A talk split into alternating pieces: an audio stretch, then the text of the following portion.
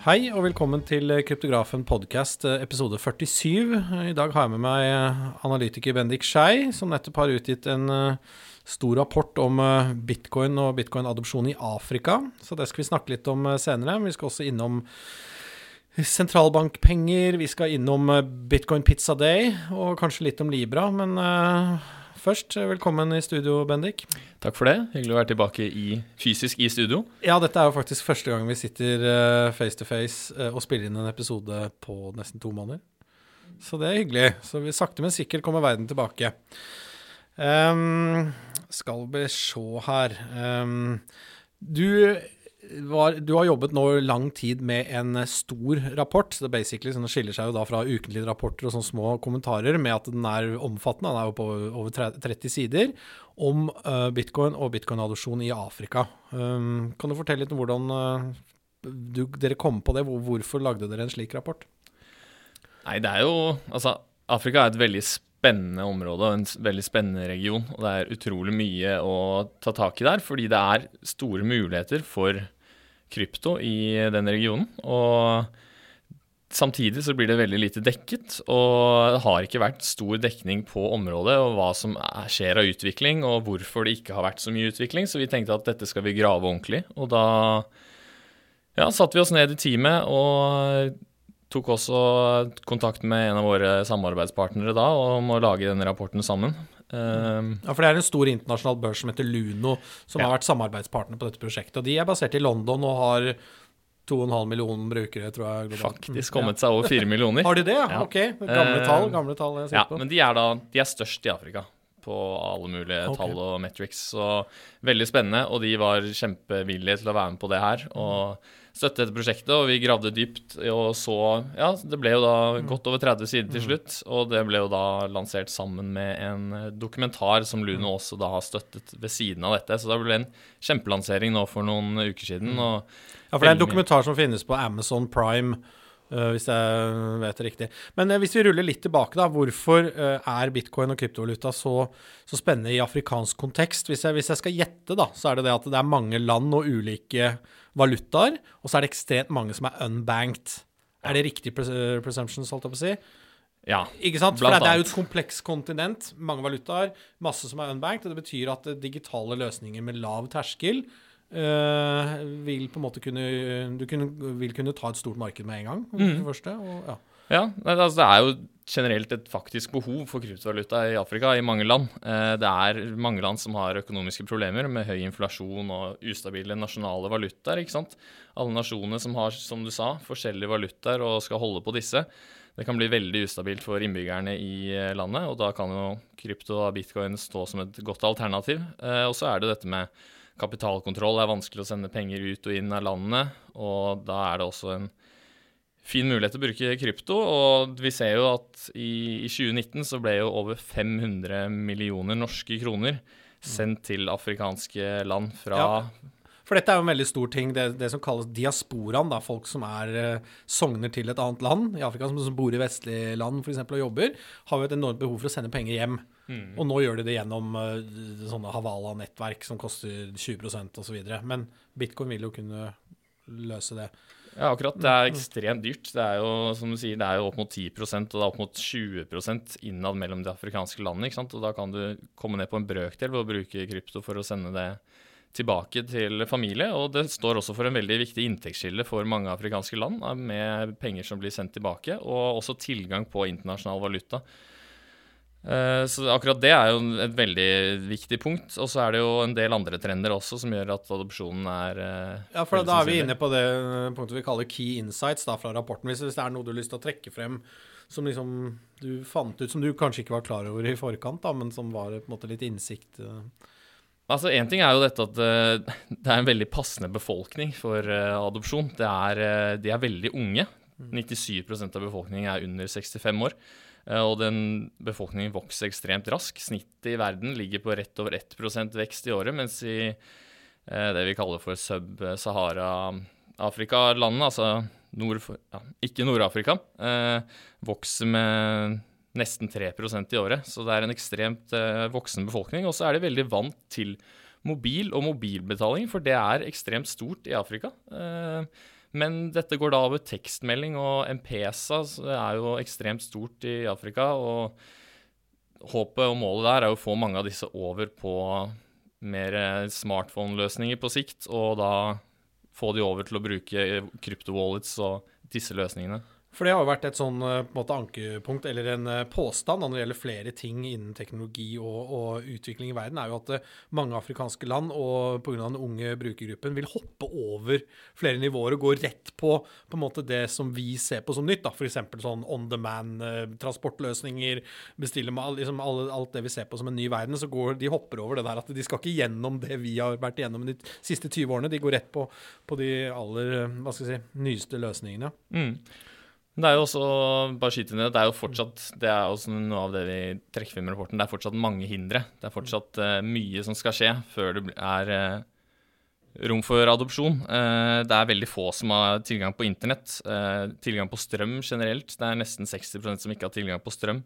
smarttelefoner er det ekstremt lite av, som sagt. Det er under 40% men der ser man, og der er det flere som peker på at man predikerer da at vi skal godt over 60-70 i løpet av de neste ti årene på smartphone-adopsjon. Og det kan jo føre til at veldig mange flere kan gå over til kryptovaluta og digitale wallets og disse typer ting. Det er sikkert derfor Apple lanserer billigversjoner av uh, telefonene sine. iPhone kommer jo nå i, i um, veldig fancy og bra og gode, men, men mye, nesten til 40% av prisen av de andre.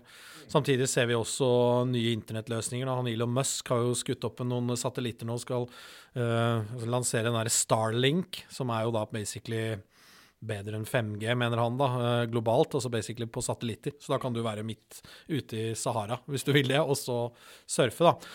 Men um, OK, så det, det, her det lukter jo potensialet. Er det andre ting fra rapporten som du har lyst til å ta opp, eller? Nei, altså det er ekstremt mye vi kan snakke om, så jeg har vært igjennom uh, de hovedtrekkene. Men, men, hvor kan man finne den, hvis noen har lyst til å lese den? Kan du gi oss noen gateway inn til uh, din innsikt og kunnskap her? Ja, det er selvfølgelig viktig. Uh, da må man på hjemmesiden til Arcane Research, og der er det en egen fane som heter Rapporter, og der ligger den med en egen landingsside, hvor du kan lese hele fulle PDF-en. Den ligger tilgjengelig gratis der. Ja, Så Afrika-rapporten, som har brukt lang tid, den er altså gratis fordi den er gjort i samarbeid med Ikke sant? Ja. Helt, helt, supert. Men uh, du utgir også en, uh, en uh, ukentlig rapport som vi kaller det Weekly. Og der har det jo vært mye kul innsikt den siste tiden. Det har jo skjedd veldig mye.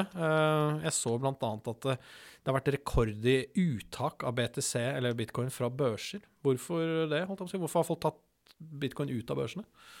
Nei, det er et godt spørsmål. Vi jo grublet en del på det selv, men det er jo ganske interessant fordi altså, børsbalansene til børsene med antall bitcoin de har uh, lagret i sine wallets, nå, eller på sine adresser, er stupt ned siden dette krasjet i mars når prisen falt uh, 50 uh, Og én ting man peker på da, er jo Er dette folk som rett og slett stoler mindre på børsene? Vil få pengene sine ut og lagre det selv? Eller er det flere som ikke er opptatt av å trade lenger, men bare vil lagre dette selv og ha det kaldt, som man kaller det, og bare har en lengre horisont, og derfor tar det av børsen fordi de føler at det er en tryggere. Men det jeg også leste og så på, var at uh, det kan være flere slike OTC-handler, altså over the counter, som betyr at de da tar uh, pengene av børs. Og jeg så også at eh, CTO-en i Bitfinex, som er en av de børsene som har sett flest uttak, kommenterte det at de har sett flere sånne større handler som da, hvor bitcoin da blir handlet av børsen, og da tømmer de en del bitcoin ut av sin sin beholdning. Ja, for Det kan jo være at likviditeten i OTC-markedet har blitt mye bedre, og da tenker du som en stor hval at hei, jeg tar de ut, og jeg kan jo like godt omsette de. OTC, det er enklere det. Mm. Men uh, min første tanke var jo selvfølgelig at uh, man ble litt mer langsiktig i natur, da, for det eneste grunnen til ja. å ha det på en børs er jo for at du kan omsette det til likviditet raskt, mm. f.eks. Men hvis du ikke har behov for å gjøre det, fordi du skal sitte på det i flere år, så kan du ta det av børs. Det Akkurat. var det jeg tenkte, men Akkurat. Det er jo bare spekulasjoner. Ja, og det er også noe av det vi tenker. Men det er jo en veldig forskjellig trend fra når prisen steg så voldsomt i starten. Ja, for et år siden. Da gikk eh, børsbalansene opp, og nå går de ned når prisen har steget i det siste. Så det er litt forskjell, men uh, uansett veldig interessant. Ja, og så skriver du litt om at det er litt usikkerhet i futures-markedet. Um, det er ingen prisdifferanse på spot og frem, fremtiden, og det er det vi kaller contango backwardation. Contango er jo at uh, fremtidsprisene prises høyere enn nåværende, uh, mens backwardation er jo at det er fallende. Men nå er det jo altså flatt, Mm. og det kan tyde på Det er i hvert fall eh, relativt flatt på kort sikt, men eh, det er stor forskjell for det vi så i starten av året, hvor det var 10-15% premium på disse kontraktene, f.eks. For, for juni og september. Men nå ligger dette nesten likt eh, spotpris. Og det er jo mer usikkerhet, da. Folk er uh, usikre på hvor eh, prisen skal. Og ja, disse som handler uh, i derivatmarkedet, vet ikke helt og stoler ikke helt på hvor prisen skal. Og det har jo vært veldig spot-drevet, denne oppgangen vi har sett eh, etter krasjet i mars. Så det er eh, Ja, junikontraktene, som sagt, de ligger eh, omtrent til samme pris som spot. Og Jeg har et eh, innspill der. Eh, Det er jo, Rentene har blitt slasha nå. Det er jo alltid et renteelement i dette her. Det er jo en carry, ikke sant. Så på futures så eh, var jo i USA har den jo satt ned er det ikke 0,7? øh, hvis dette, ja, vet du, det tør jeg ikke å påstå. Men Norge har i hvert fall satt den til null fra øh, 1,25 eller 1,50. Sånn at øh, noe av renteelementet forsvinner både på short og long øh, der, da. Men øh, det får vi jo se. Eh, og så skriver du small caps, outperformer. Det er øh, alternative coins, eller altcoins, som det kalles på fagspråket. Har gjort det, bedre, gjort det godt det siste? Ja, eh, spesielt i mai så har eh, vi har jo i ukesrapporten vår delt inn i forskjellige indekser med det vi kaller large cap, mid caps og small caps. Eh, og small caps er da de som er ranket ut ifra markedsverdi eller størrelse som fra 30. til 70. plass da, i størrelse på ja, topp 70-listen. Eh, og disse har da gjort det veldig mye bedre enn både bitcoin og andre nå i mai. Og er, ja, sist jeg sjekket eh, opp eh, 15 hittil, eh, mens de andre ligger rundt eh, 0 eller ca. break-even i mai.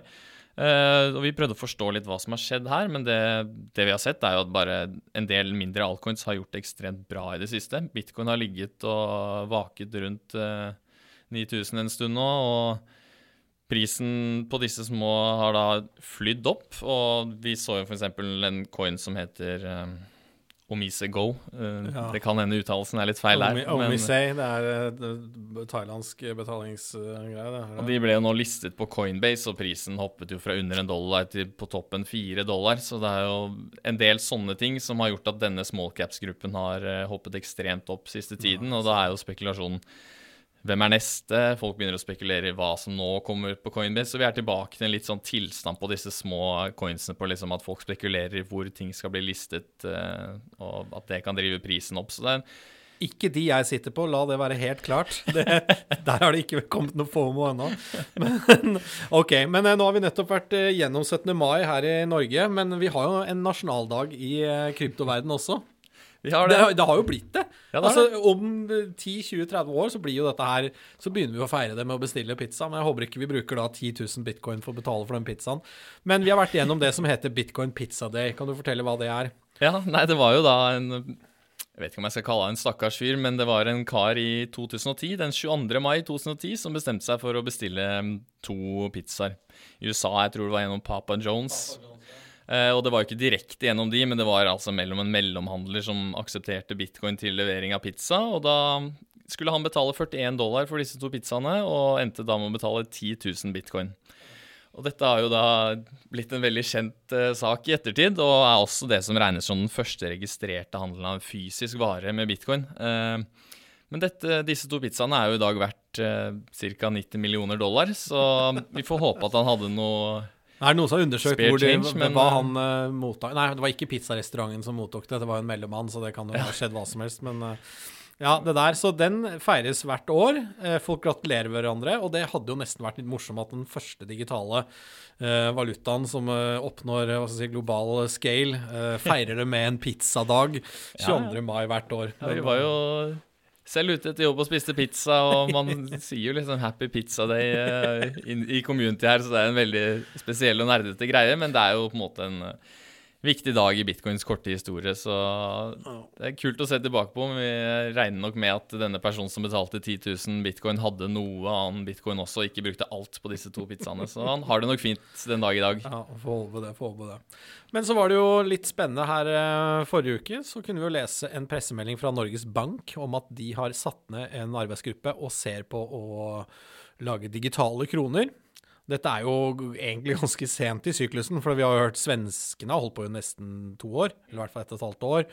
Vi vet at uh, Japan har vært, uh, jobbet med det. Kina sier at de skal lansere det inneværende år. EU har jobbet med det. og der vet jeg at faktisk Sosial Societet General, den franske banken, har jo nå testet den euroløsningen for ECB, altså forrige uke. Så sendte de transaksjonen. Um, hva, hva, skal vi tolke ut av det? Jeg, optimismen i meg, eller optimisten i meg tenker at dette her blir en enorm fin gateway for andre kryptovalutaer. For det handles jo på samme på måte, protokoller og wallets og på samme måte. da. Og som jeg sa til deg forrige uke, er at hvis, det, hvis, du skal lage infrastruktur for å ta imot norske eh, digitale kroner, Eh, så kan du ikke gjøre det over en betalings... Altså en Visa-kortautomat i butikken. Du må ha nye point of sales, og de nye point of salesene de vil jo da være uh, tilrettelagt for digitale transaksjoner, og da vil jo bitcoin f.eks. bare være en add-on eller et tastetrykk unna, en modifikasjon, da. Fordi, må, for det ligger på en helt annen, et annet protokollnivå da, enn dagens betalingsterminaler. Hva, mm. hva er dine tanker ut digitale kroner? Nei, altså Jeg syns det er veldig spennende at uh de setter ned nå en gruppe. Men det er, på en måte, det er ikke første gang dette nevnes i Norge, og de nevnte jo dette i fjor òg. Men jeg syns det veldig spennende er jo at de, de, har ikke stanset prosessen, de fortsetter. Og dette er på en måte ikke noe som blir lagt dødt. Og det, som du nevner, i Sverige er de godt på vei, og i Kina og hvis Kina nå lanserer, så skal du ikke se bort fra at det tar kort tid før USA gjør det. Og det kommer til å åpne en helt ny verden innenfor betaling. Og ja, det blir veldig spennende å se ja, som vi snakket om rett før vi gikk på poden her, det er jo nå med denne nye Libra-lanseringen, så er det ekstremt spennende å se hvor betalingen kommer til å gå de neste ti årene. Jeg tror bare at vi Jeg tror ikke vi helt skjønner helt uh, Det kommer til å være den største kampen jeg har vært vitne til i min Og jeg er over 40 år gammel, jeg er helt sikker på. fordi uh, Hvis vi bare glir over, over på det, da, og liksom fremtidens betalingsløsninger Nå har vi jo fått sånne VIPS og uh, hva heter det, Cash App og sånn i USA. Sånn, litt sånn enkle, men domestic, da, altså lokale varianter. Så kommer da Libra, som skal ta en global variant. De skal lansere da en betalingsløsning der du kan uh, supervipse, som jeg kaller det, til alle som bruker WhatsApp, og det er ca. to milliarder mennesker over hele verden. Så kommer digitale sentralbankvalutaer. Og hvis de ligger på wallets og kan brukes av tredjepartsutviklede produkter, da, så vil jo det også plutselig dukke opp i miksen her. Og alle disse skal på en måte slåss om eh, hegemoniet, som er da betaling mellom mennesker og bedrifter. Mm. Og så blir det jo ekstremt spennende å se hva skjer med reguleringer av stablecoins og alle disse nye versjonene. Hvordan blir det regulert på verdensbasis? Hva får lov til å leve, hva får ikke lov til å leve? Hvor store kommer Facebook sin, eller dette Facebook-gruppen og deres partnere, hvor stort kommer det til å bli? Kommer det til å bli en dominerende faktor? Kommer de til å lage et par mot bitcoin, og ikke se på dette som konkurrent, men heller et komplement i hele, i hele pakka. Og det, altså ja, hvis du kan handle bitcoin i den nye Novi-appen, eh, som er liksom Libra, det vil jo være massivt. Ja. For det betyr at du kan handle bitcoin trygt og godt gjennom WhatsApp, da. Ja, ikke sant. Så Messenger, WhatsApp og De er ekstremt store, da, mm. disse plattformene her. Og hvis det, kan, hvis det gjøres veldig enkelt og, som de sier, billig sikkert bare med spread som kostnaden her, så, så tror jeg at dette kan bli ekstremt stort. Men eh, ja, vi må bare vente og se, egentlig. Det er en veldig ja. spennende utvikling.